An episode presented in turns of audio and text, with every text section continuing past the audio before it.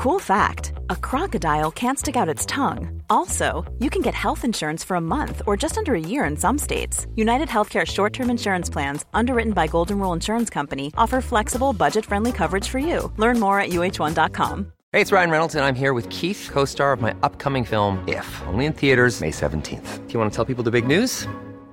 All right, I'll do it. Sign up now and you'll get unlimited for $15 a month in six months of Paramount Plus Essential Plan on us. Mintmobile.com slash switch. Upfront payment of $45 equivalent to $15 per month. Unlimited over 40 gigabytes per month. Face lower speeds. Videos at 480p. Active Mint customers by 531.24 get six months of Paramount Plus Essential Plan. Auto renews after six months. Offer ends May 31st, 2024. Separate Paramount Plus registration required. Terms and conditions apply if rated PG. There's never been a faster or easier way to start your weight loss journey than with PlushCare.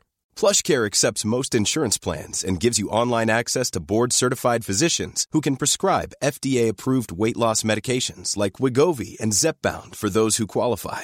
Take charge of your health and speak with a board-certified physician about a weight loss plan that's right for you. Get started today at plushcare.com slash weight loss. That's plushcare.com slash weight loss. plushcare.com slash weight loss. Olösta fall. En podd om försvunna människor och oklara mord.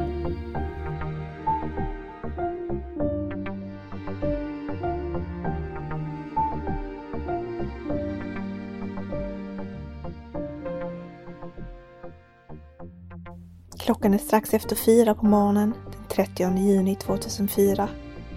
Den svarta röken stiger upp mot sommarhimlen i det lilla bostadsområdet Ölsjö utanför Kristianstad. Snart kommer eldflammorna kasta sig upp för fasaden på tvåvåningshuset på Skanslinjevägen. Det är tidningsbud som upptäcker eldsvådan av en slump och slår larm. I det röda trähuset på Eva-Marie Strandmark tillsammans med sin treåriga dotter. Som tur är så var hennes dotter inte hemma den natten. Men olyckligtvis gör Eva-Marie det. Hon omkommer i vad som först betraktas vara en fruktansvärd brandolycka. Det är först flera veckor senare som polisen gör en makaber upptäckt. Det man trodde var en tragisk olycka skulle visa sig vara något helt annat. Ett mord. Och någon hade försökt undanröja bevisen från mordplatsen. Du lyssnar på Olösta fall och mordet på Eva-Marie Strandmark.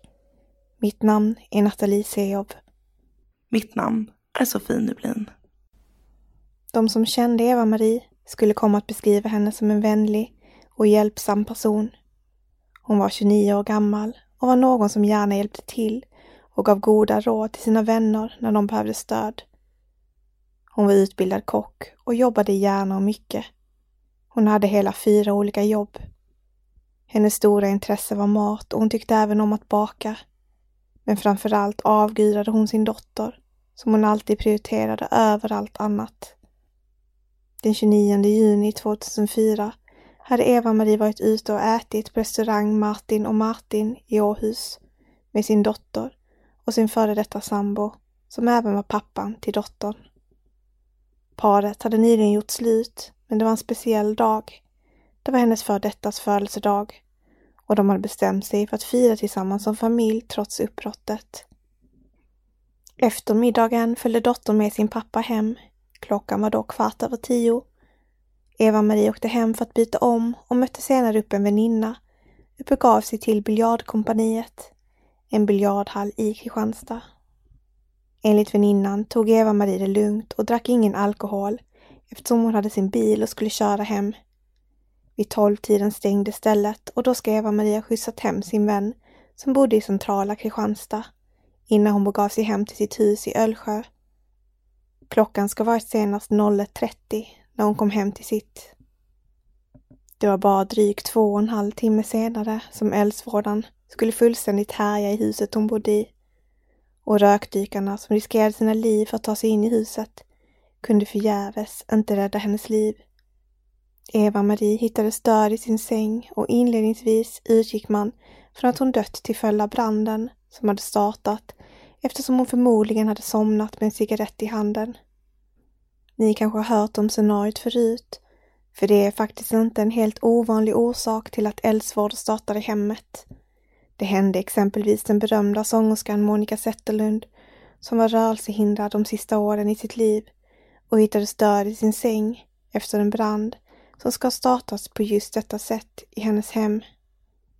Hon ska själv ringt SOS Alarm och hennes sista ord ska ha varit Jag vet inte vad det är som brinner. Jag vill inte dö på det här sättet.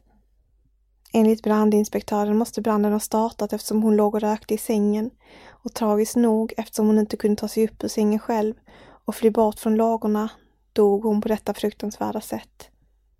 I Eva-Maries fall var det först vid obduktionen av hennes kropp som teorin om sängrökning började ifrågasättas. Eva-Maria hade nämligen ingen rök i sina lungor. Rättsläkaren konstaterade alltså att hon måste redan ha varit död när någon satte eld på huset.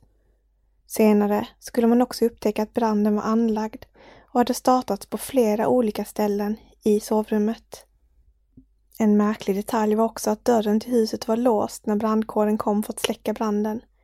De hade varit tvungna att slå in en fönsterruta för att ta sig in och släcka branden. Eva-Maries anhöriga hade hela tiden varit skeptiska till teorin om sängrökning eftersom Eva-Marie inte var rökare.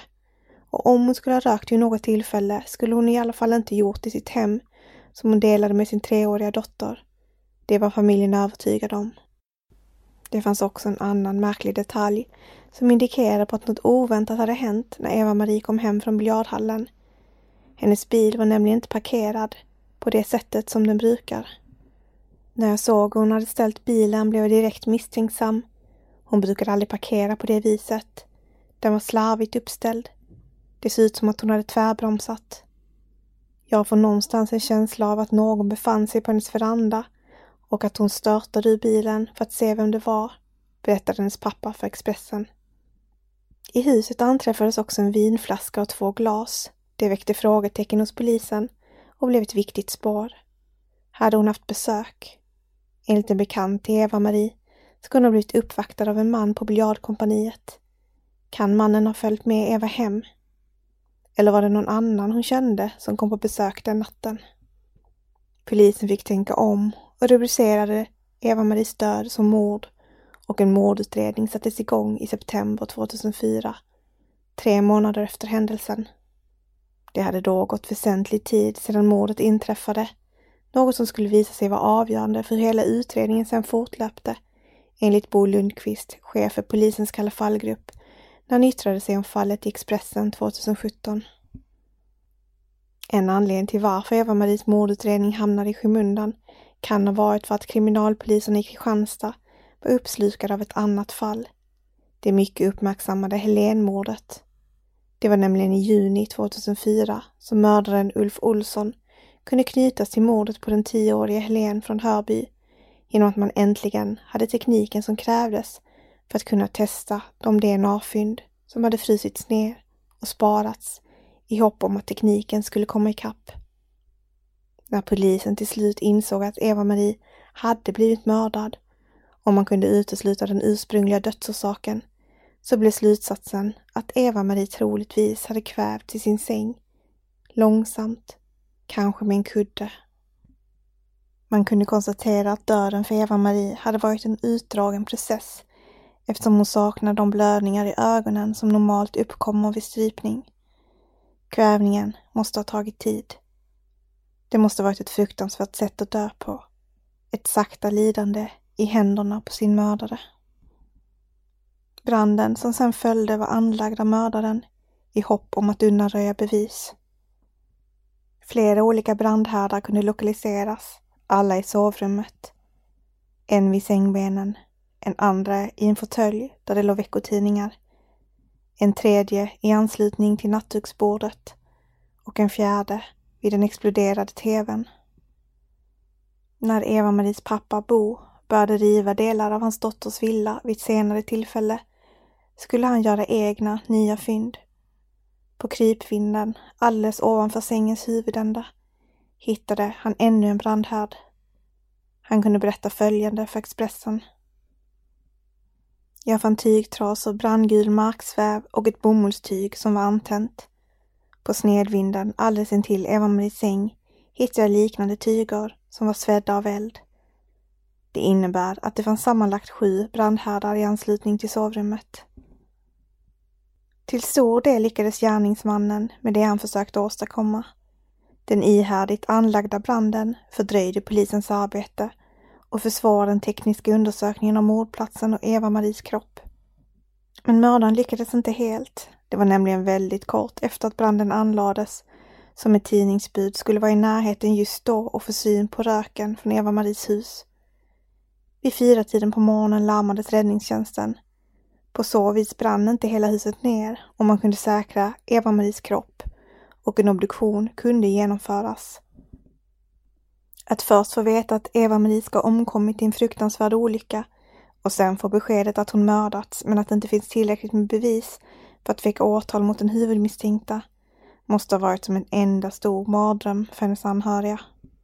I en artikel i Expressen berättar Eva-Maries pappa om att han på morgonen den dagen efter branden hörde om att en kvinna brunnit inne i ett nyhetsinslag på lokalradion. Men det var först när han kom till jobbet som han förstod att det var Eva-Marie det gällde. Jag fattade det först som att det var en gammal kvinna som hade brunnit inne. Men när jag kom till mitt jobb började alla fråga hur det såg till med mig. När polisen sen ringde och berättade var det hade brunnit rasade allt. Det går inte med ord att beskriva. Jag kan inte förklara hur det kändes. Jag blev som lamslagen, föll rakt igenom. När det så småningom gick upp för mig vad det var som hade hänt hamnade jag på psyket, berättade pappan för Expressen. I mars 2005 valde Eva-Maries närmaste familj att gå ut med en belöning på 100 000 kronor till den som kunde lämna in ett tips till polisen som kunde leda till att mordet på henne skulle klaras upp. Eva-Maries föräldrar och hennes bror var uppgivna när de yttrade sig i Kristianstadsbladet år 2005. Hur kunde detta hända just Eva-Marie? Det är oerhört svårt att begripa, för Eva-Marie var en vanlig, snäll och levnadsglad tjej som inte hade några ovänner, berättade fadern Bo Strandmark. De hoppas att belöningen de utlyst kan ge dem de svar de söker. Vi vill få ett avslut och helst förstå varför hon mördades. Men det känns också väldigt otryggt att gärningsmannen går lös. För har han mördat en gång kan han mörda flera gånger, Förklarar familjen i artikeln i Kristianstadsbladet. Runt om i föräldrarnas bostad fanns inramade fotografier på Eva-Marie och i trädgården skällde en hund under intervjun. Det var Eva-Maries blandrashund Buster. Familjen förklarade att de vet att tips har kommit in men ännu inget avgörande. Men Eva-Maries bror Björn poängterade att även den minsta detaljen kan vara avgörande för att lösa fallet. När Kristianstadsbladet fick ett uttalande av kriminalkommissarie Kurt Larsson i samma artikel kunde han yttra sig om att polisen ska ha fått in tips men bekräftade det familjen redan sagt. Att ännu hade inte rört sig om något tips som inneburit ett genombrott i mordutredningen. Han nämnde däremot att polisen ska fått in ett anonymt brev och att de gärna vill komma i kontakt med brevskrivaren eftersom brevet innehöll en hel del intressanta uppgifter. Men vilka uppgifter det rörde sig om vill han inte yttra sig om. Have catch yourself eating the same flavorless dinner three days in a row? Dreaming of something better? Well, hello fresh is your guilt free dream come true baby. It's me, Gigi Palmer. Let's wake up those taste buds with hot, juicy pecan crusted chicken or garlic butter shrimp scampi. Mm. Hello Fresh. Stop dreaming of all the delicious possibilities and dig in at HelloFresh.com. Let's get this dinner party started. Hey, it's Ryan Reynolds, and I'm here with Keith, co star of my upcoming film, If, only in theaters, May 17th. Do you want to tell people the big news?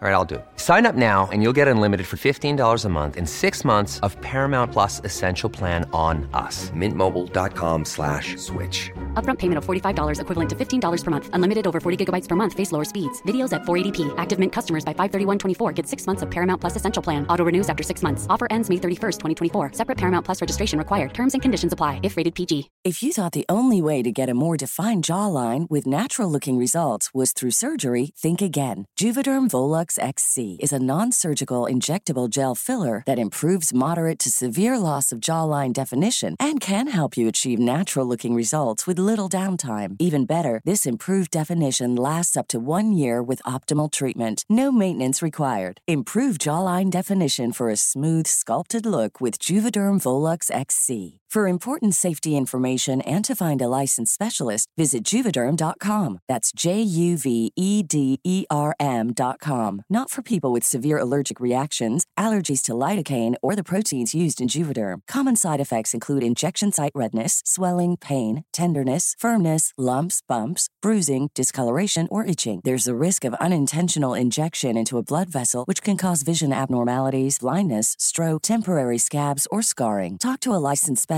to find out if it's right for you.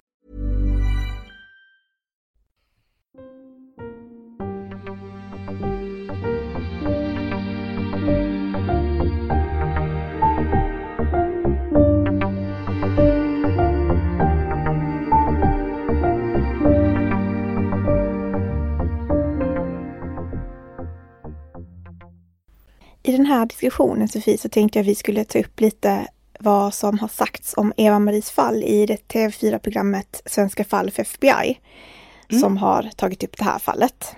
Eh, det togs upp 2015 eh, i eh, det allra första programmet av Svenska fall för FBI helt enkelt. Så det var det första fallet de tog upp i programmet. Ganska stort ändå.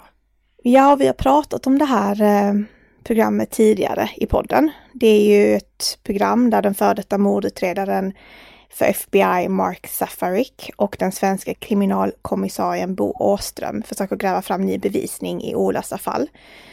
Eh, så det är ett väldigt intressant program för oss eftersom de tar upp många av de fallen som vi är intresserade av. Ja, så jag tänkte vi skulle gå igenom lite vad de har kommit fram till i programmet, för de har faktiskt kommit fram till en hel del intressanta saker när de grävde i det här då, 2015. Det är ju några år sedan nu. Det börjar egentligen med att de besöker Åsa som är Eva-Maries bästa vän för att få reda på lite mer information om hennes liv innan mordet. För att liksom sätta lite scenariot, liksom hur såg hennes livssituation ut och hade hon några fiender och allt det här. Liksom. Mm, så en riktig kartläggning liksom. Ja, precis. Och de börjar väl där försöka prata med folk runt omkring Eva-Marie. Och Åsa kan då berätta att hon blev vän med Eva-Marie när de var i samma föräldragrupp som nyblivna mammor. Och att de då spenderade en stor del sen av sin föräldraledighet tillsammans och blev väldigt nära varandra. Och så beskriver Åsa henne, Eva-Marie då, som en öppen och glad person som alltid satte sin dotter i första rummet. Och att hennes dotter betyder allt för henne. Hon visar också bilder på Eva-Marie och hennes dotter och hennes egen dotter då, hur de hade lekt tillsammans och så. Och hon beskrev dottern verkligen som Eva-Maries ögonsten. Sen så berättar också Åsa att efter att familjen hade gått ut med den här belöningen om 100 000 kronor så hjälpte Åsa till att starta en stiftelse för att samla in ytterligare pengar så att belöningen skulle kunna bli större och det slutade på 500 000 kronor som då ska gå till den person som kunde komma med ett avgörande bevis för att få mördaren dömd i Eva-Maries fall. Och sen så frågar då Bo Åström Åsa om det finns en, eller om det fanns en hotbild mot Eva-Marie innan mordet. Men det var ingenting som Åsa kände till, säger hon då. Sen frågar de då lite extra om Eva-Maries ex-sambo. Och då berättar Åsa att hon inte känner den här mannen väl, men att det var Eva-Marie som ska ha tagit initiativ till att de gjorde slut. Och anledningen enligt Åsa var för att det var en ganska bråkig och stormig relation som inte var speciellt hälsosam. Och att Eva-Marie ska varit glad över att hennes ex äntligen hade accepterat att de inte längre skulle bo ihop. För det var någonting som hon hade kämpat med, att han inte riktigt ville acceptera det här uppbrottet. Mm. Han hade liksom försökt övertala henne att ändra sig. Han ville, han ville liksom inte själv hitta ett boende direkt utan hängde kvar. Du vet, lite så här jobbig separation helt enkelt. Ja, det låter ju inte som en, som en sund relation om det är bråkigt, stormigt och Eh, Eh, det låter inte heller som en särskilt stabil person när man vägrar lämna någons hem och liksom försöker tjata kvar en kvinna att stanna. Och i programmet så träffar de även Börje Sjöholm på polishuset i Helsingborg. Och han var då ansvarig för utredningen. Så Mark och Bo vill träffa honom för att ta del av förundersökningen och helt enkelt få information direkt från polisen.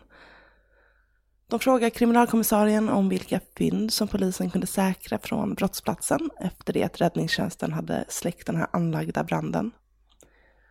Eh, och han berättar om vinflaskan och de två glasen som polisen tyckte pekade på att Eva-Marie hade släppt in någon och delat en flaska vin med en person då natten då hon mördades.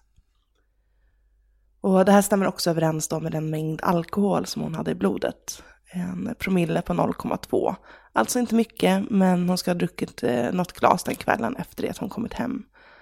Och vi vet ju att hon inte drack någonting tidigare på kvällen eftersom hon eh, körde bil. Och vinglasen och vinflaskan tyder också på, enligt polisen, att det rör sig om en person som hon troligtvis kände eftersom hon släppt in personen i sitt hem mitt i natten. Vi vet att Eva-Marie inte tog med sig någon hem från biljardhallen. Hon åkte i bil med sin vän och de två var själva med varandra. Så det är ju, rör sig om en person som måste kommit till henne efter det att hon kommit hem på natten då. Ja men precis. Det var liksom ingen som hade följe henne hem om det var så att hon pratade med någon på biljardhallen så det är ingen som i alla fall följt med henne hem direkt efter, det vet vi. Mm. Nej, sen har vi också att det finns inga tecken på att det skulle ha förekommit något bråk eller våld i hennes hem. Eh, det var inga saker som var trasiga, det var liksom ingen oreda i hemmet. Ehm, det tyder också på att det var någon hon kände eh, och inte ett överfall eller så, att det var inte någon som hade brutit sig in. Eh, för det finns inga tecken på att hon skulle blivit rånad eller råkat ut för någon form av stöld. Det finns heller inga tecken på att Eva-Marie ska ha varit intim med någon, det vill säga att hon har inte haft sex med någon innan mordet. Och det finns inga tecken heller på sexuellt våld. Och dessutom var hon påklädd. Och Mark Safarik resonerar i programmet att eftersom allt det här kan uteslutas så går det även att utesluta flera olika motiv. Det rör sig alltså inte om ett sexuellt motiv. Det rör sig inte om inbrott. Och det som då återstår enligt honom är att det måste röra sig om någonting annat, ett mer personligt motiv.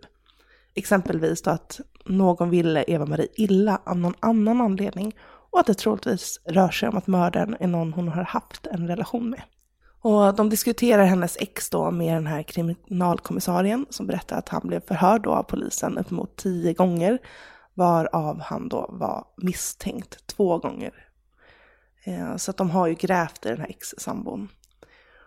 Och det är ju ganska naturligt i och med att eh, de hade den relation de hade så blev ju han huvudmisstänkt. Och enligt Börje Sjöholm så hade exet ingenting med mordet att göra. Han ska då ha befunnit sig hemma med deras gemensamma dotter vid tiden för mordet. Och de ska även ha varit, eh, haft en vän hemma hos sig som kunde ge honom alibi då. Och enligt Börje Sjöholm så har ex-sambon efter förhören kunnat avfärdas från utredningen och mannen är inte längre misstänkt i fallet Eva-Marie. Precis. Eh, men Mark och Bo, de får då i programmet även ta del av ett brev. Troligtvis det brev som nämns av polisen från en anonym tipsare i artikeln i Kristianstadsbladet som vi har refererat till tidigare här i avsnittet. Och brevet ska då först ha skickats till Eva-Maries föräldrar och sen även då till Eva-Maries vän Åsa. Och den här brevskrivaren påstår att hen vet mycket om mordet, till och med vem som mördade Eva-Marie, skriver personen i brevet. Men personen vet inte mördarens namn, men skulle kunna peka ut mördaren, så det är ändå en intressant detalj, om det här nu stämmer. Mm. Och för att kunna berätta mer om vad brevskrivaren vet så har brevskrivaren tre krav. Eh, och det är att belöningen på 500 000 kronor skulle förlängas, för det var en tidsbegränsad belöning. Och att den här förlängningen skulle utannonseras i tidningen och att stiftelserepresentanter skulle medverka i tidningen när de berättar om att den här belöningen då förlängs. Och de diskuterar det här eh, brevet i programmet och Bo Åström anser att brevet är välformulerat med få stavfel. De eh, undrar också varför det är så viktigt för brevskrivaren att den här tiden för belöningen ska förlängas. Eh, de säger att det ska förlängas med två år i brevet. Och varför det är så viktigt? Är det så att personen håller på att bearbeta någon kanske som vet mer? Och tänker att det kommer ta lite tid? Och tiden för belöningen ska ha förlängts men ändå så trädde ingen fram och det var liksom ingen som kom med något avgörande tips så att det blev aldrig någon belöning som betalades ut. Det här är också så märkligt. Alltså varför vill man eh, som vittne vara anonym om man då inte ens vet namnet på personen? Är det någon man är rädd? Det är väldigt märkligt. Det känns inte så goda uppsåt att göra en sån här sak. Ja, man vet ju inte om den här personen verkligen vet något eller om det bara är någon som vill ha uppmärksamhet eller så. Mm. Det vet man ju inte heller. Väldigt märkligt oavsett. Vidare i sin granskning av fallet får Bo och Mark kontakt med den här väninnan som ska umgåtts och socialiserat med Eva-Marie den där sista kvällen på biljardhallen innan mordet. Och den här kvinnan väljer faktiskt att ställa upp på intervju så länge hon då får vara anonym. Och de frågar henne om den aktuella kvällen, då, tisdagen den 29 juni. Eva-Marie ska ha hämtat väninnan med sin bil runt åtta tiden på kvällen. De åkte till biljardhallen, drack kaffe eftersom Eva-Marie körde. Och de spelade biljard och pratade med bartendern och med vänner som var på biljardhallen. Och eh, den här väninnan kan berätta att Eva-Marie hade varit lite upprörd den här kvällen eftersom hennes dotter hade varit ledsen och inte velat gå med hem till sin pappa. Och den här väninnan kände Eva-Maries ex ganska väl. Väninnan kunde berätta att exet inte tyckte om henne eftersom han beskyllde henne för att ha tagit Eva-Marie ifrån honom eftersom de då brukade gå ut och dansa tillsammans. Hon beskrev honom som våldsam. Eva-Marie och hennes mamma hade berättat att han hade varit hotfull och att han hade knuffats vid några tillfällen.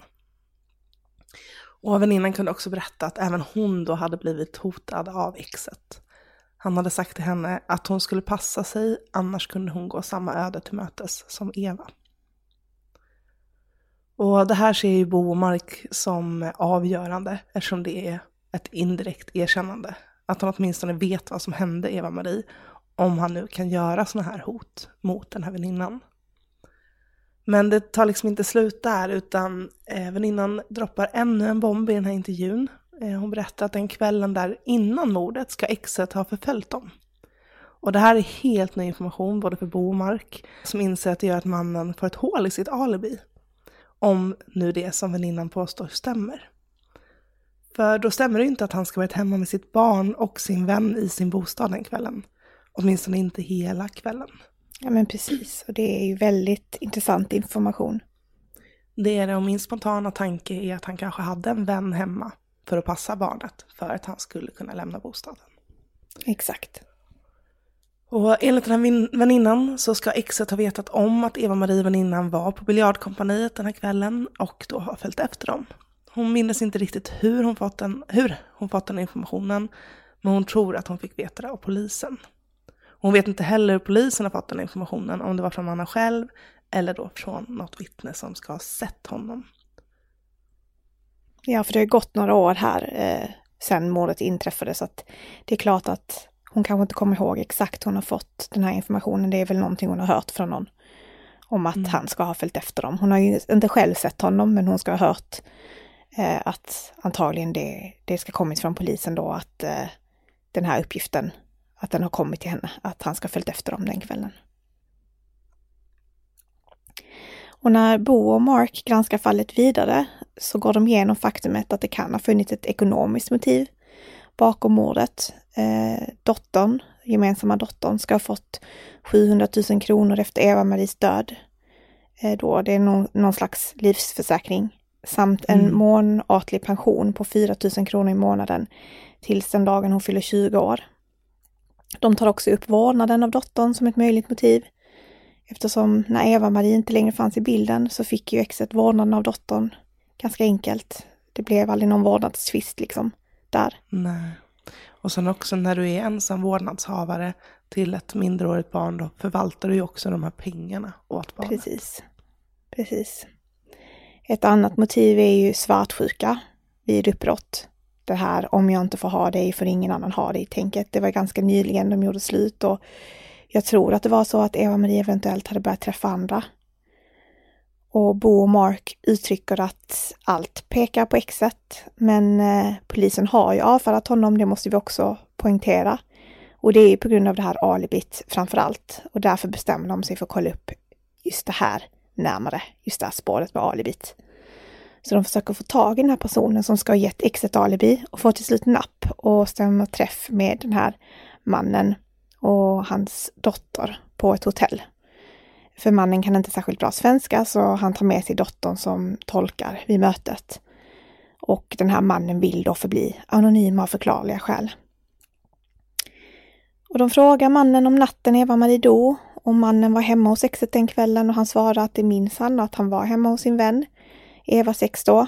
Och han hade bett honom, alltså exet hade bett vännen att vara med honom den kvällen eftersom det var hans födelsedag. Och att han inte hade någon annan att fira med. Stämmer inte riktigt eftersom han var ute och käkade med Eva-Marie och dottern tidigare på kvällen. Men eh, ja, han kanske menar efter det, att han kände sig ensam eller så. Mm. De hade planer på att laga mat och dricka tillsammans, men under kvällen ska mannen ha sagt att hans ex Eva-Marie ska ha ringt för att hon inte hade några cigaretter och bett honom komma med cigaretter. Enligt den här vännen då. Mm. Klockan var då, enligt vännen, mellan halv nio och nio på kvällen. Och Eva-Maries ex ska ha lämnat bostaden då en, en kortare stund, cirka 30 till 45 minuter. För det var ungefär då han kom tillbaka efter 30 till 45 minuter och då ska han sagt att Eva-Marie inte var hemma när han skulle lämna de här cigaretterna. Så han kunde aldrig lämna dem. Sen ska de ha druckit ihop och tittat på TV. Och mannen minns att han somnade på soffan i bostaden. Det sista minns är att han har sett nyheterna på TV som började klockan 12 på natten och att han vaknade när polisen sen ringde på dörren vid 5-6 på morgonen för att berätta vad som hänt då, att Eva-Marie var död. Mm. Så eh, det är ju det att nu är ju inte alibit helt vattentätt här, för vi vet ju dels då att eh, han har varit borta i i alla fall 40, 30 till 45 minuter. Och sen har ju mannen också somnat här i väldigt kritiska timmar på natten. Vi vet ju att Eva-Marie var vid liv i alla fall till ett tiden på natten. Så att det är precis den här kritiska tiden eh, som eh, som han har sovit på soffan och inte riktigt vet vad exet har gjort. Nej, och då har vi två luckor. En lucka där han då kan ha förföljt väninnorna och mm. en lucka där han faktiskt haft möjlighet att mörda Eva. Precis. Och det här är inte riktigt någonting som polisen har tagit upp med Mark och Bo, så det här är ju nya uppgifter för dem. Och de tror ju att alibit faktiskt kan ha varit planerat för att eh, mannen blev serverad ovanligt mycket alkohol i exet bostad enligt då vännen själv att exet ska ha ställt fram en hel vodkaflaska, vilket var ovanligt. Det brukade han inte göra. Och att det kanske var så att han hoppades att vännen skulle dricka lite extra och tuppa av så att han inte kunde, liksom han ändå kunde genom alibi men ändå inte riktigt veta vad han var. Och då, alltså man undrar ju, kan en person verkligen vara så uträknande att man planerar på det här sättet? Men det gör ju folk, men för mig är det helt sjukt att man oh, mm. jag ska servera honom extra mycket alkohol och sen kan den ändå säga att han har varit här men han kommer inte minnas exakt liksom. Jag tycker det är helt psykopatiskt beteende men ja, mördare kanske håller på så.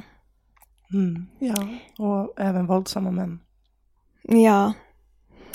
Min tanke är att han kanske först begav sig av eh, de här 30 till 45 minuterna. Att han kanske då kontrollerade vad Eva-Marie var, kanske kollade om hon var hemma om hon då inte var hemma, kanske åkte till den här biljardhallen. Jag vet inte hur långa avstånd vi pratar om, men det kanske stämmer rätt så att han skulle hinna med det. Att han kanske såg Eva-Marie där tillsammans med sin väninna. Det kanske där polisen har fått den här uppgiften om att han har förföljt dem eller haft koll på dem. För det kanske finns vittnen som har sett honom där eller någonting.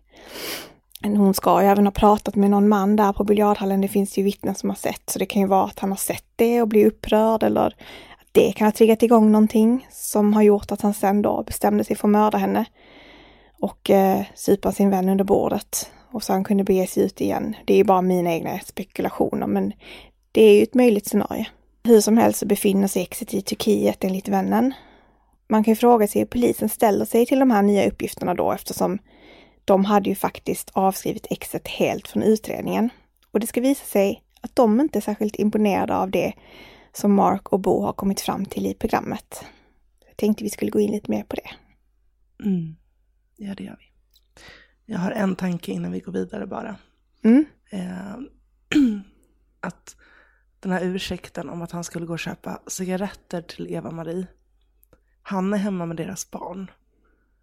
Deras barn är Evas liksom, ögonsten. hon är barnfri, hon kan köpa cigaretter själv.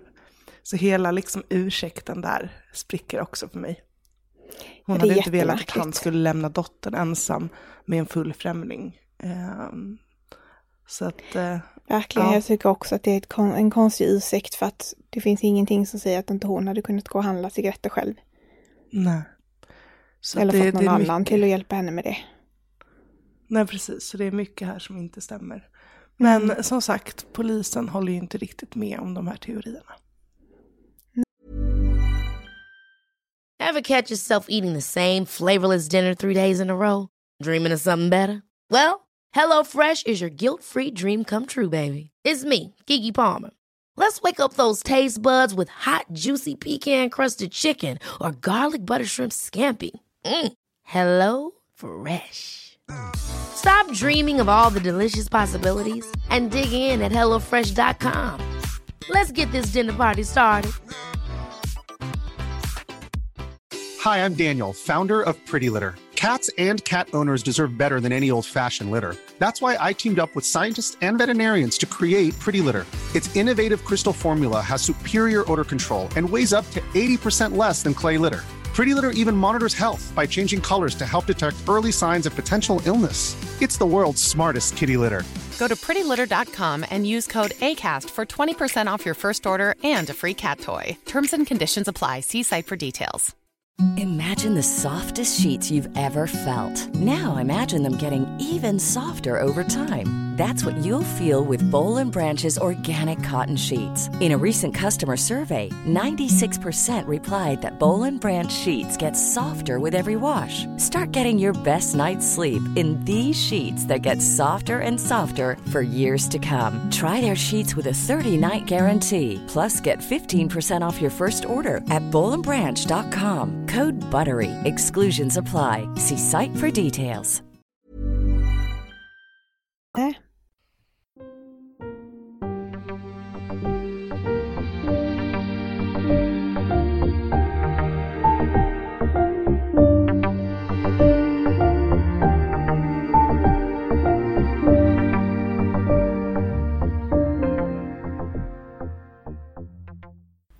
Bo Lundqvist, chef för polisens Kalla fallgrupp som idag har fallet Eva-Marie Stenmark på sitt bord, menar att polisen aldrig lyckades komma ifatt mördaren som fick tre månaders försprång.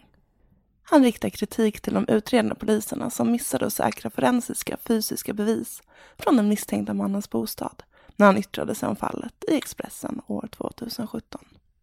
Den huvudmisstänkte i fallet delgavs misstanke för brott inledningsvis, men kom snabbt med ett alibi för mordnatten. Det skulle senare visa sig att alibit inte riktigt höll för hela mordnatten, utan bara för delar av kvällen. Enligt Bo Lundqvist borde den misstänkte mannen ha frihetsberövats och verkligen granskats, vilket aldrig gjordes. Och det har inneburit att det inte finns någon teknisk bevisning. Man sökte exempelvis inte efter teknisk bevisning i mannens hem. Det som Kalla fallgruppen har att jobba med är skralt. Även om Bo är övertygad om att det är den huvudmisstänkte som ligger bakom mordet så går det inte att fälla honom för någonting. Utan bevis står de handfallna och trampar på ett och samma ställe. Eftersom man inte har säkrat rätt saker inledningsvis så är det och förblir omöjligt att lösa om inte gärningsmannen själv hjälper till, säger Bo Lundqvist i Expressen och syftar till att det skulle behövas ett erkännande från mördaren. Han fortsätter så här. Jag menar att här måste polisen blotta strupen. Många gånger reagerar jag när polisen får orättmätig kritik, men i det här fallet borde polisen uppriktigt be Eva-Maries föräldrar om ursäkt för hanteringen. Efter att avsnittet om Eva-Marie Strandmark av Svenska fall för FBI släpps blir det rubriker om att utredarna i programmet verkar ha löst mordet. Men när kriminalkommissarie Börje Sjöholm får yttra sig om vad han tycker om den slutsatsen till Aftonbladet svarar han att det är bullshit i rent klarspråk. Börje Sjöholm reagerar minst sagt starkt på att de i programmet yttrar sig om exmaken som mördare. Uppseendeväckande att de pekar ut ex-sambon som skyldig. Han är inte misstänkt längre, säger Sjöholm till Aftonbladet. Att ex-sambons alibi är svajigt är inte heller någon nyhet. Det har vi ifrågasatt från första början. Ingenting av det de säger är nytt för oss, men vi kan fortfarande inte knyta honom till brottsplatsen. Enligt kriminalkommissarien har det alltså inte tillkommit någon ny information som skulle kunna leda till åtal om Eva-Maries ex, som befinner sig i Turkiet, skulle beträda svensk mark igen. Det finns helt enkelt inte tillräckligt med bevis. Bo Åström slår ifrån sig kritiken och kontrar med man behöver inte vara kusin med Einstein för att förstå att ärendet är tillbaka på banan med hänsyn till alibivittnets utsaga och avsaknaden av alternativa gärningsmän, skriver han i ett mejl till Aftonbladet. Börje Sjöholm yttrar sig även till Expressen om att det faktiskt finns en annan intressant misstänkt person i fallet. Någon helt annan än exet.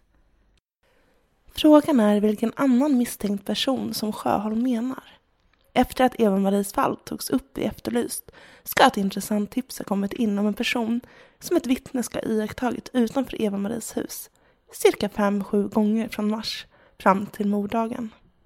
Det ska ha rört sig om en man som ska ha befunnit sig mittemot huset, på cykel. Mannen beskrevs av vittnet som cirka 38 år gammal med svenskt utseende, slitna jeans och kraftiga lår. Frågan är om det kan vara denna misstänkta person som Sjöholm syftade till. Men den frågan förblir obesvarad. Åren har gått och Eva-Maries fall ligger fortfarande i högen av ouppklarade mordfall på Kalla fallutredarnas bord. Kanske hade fallet kunnat varit löst idag om platsen som mordet ägde rum på faktiskt inledningsvis hade betraktats som det det faktiskt var. En brottsplats. Det borde gått att säkra DNA från Eva-Maries kläder, från vinglasen eller från de fimpar som också ska hittats på platsen. Men utan teknisk bevisning och utan att någon har kunnat knytas till mordplatsen står utredningen stilla och det behövs fler tips som kan hjälpa utredarna att jobba vidare med fallet. Har du uppgifter som kan hjälpa polisen att lösa mordet på Eva-Marie?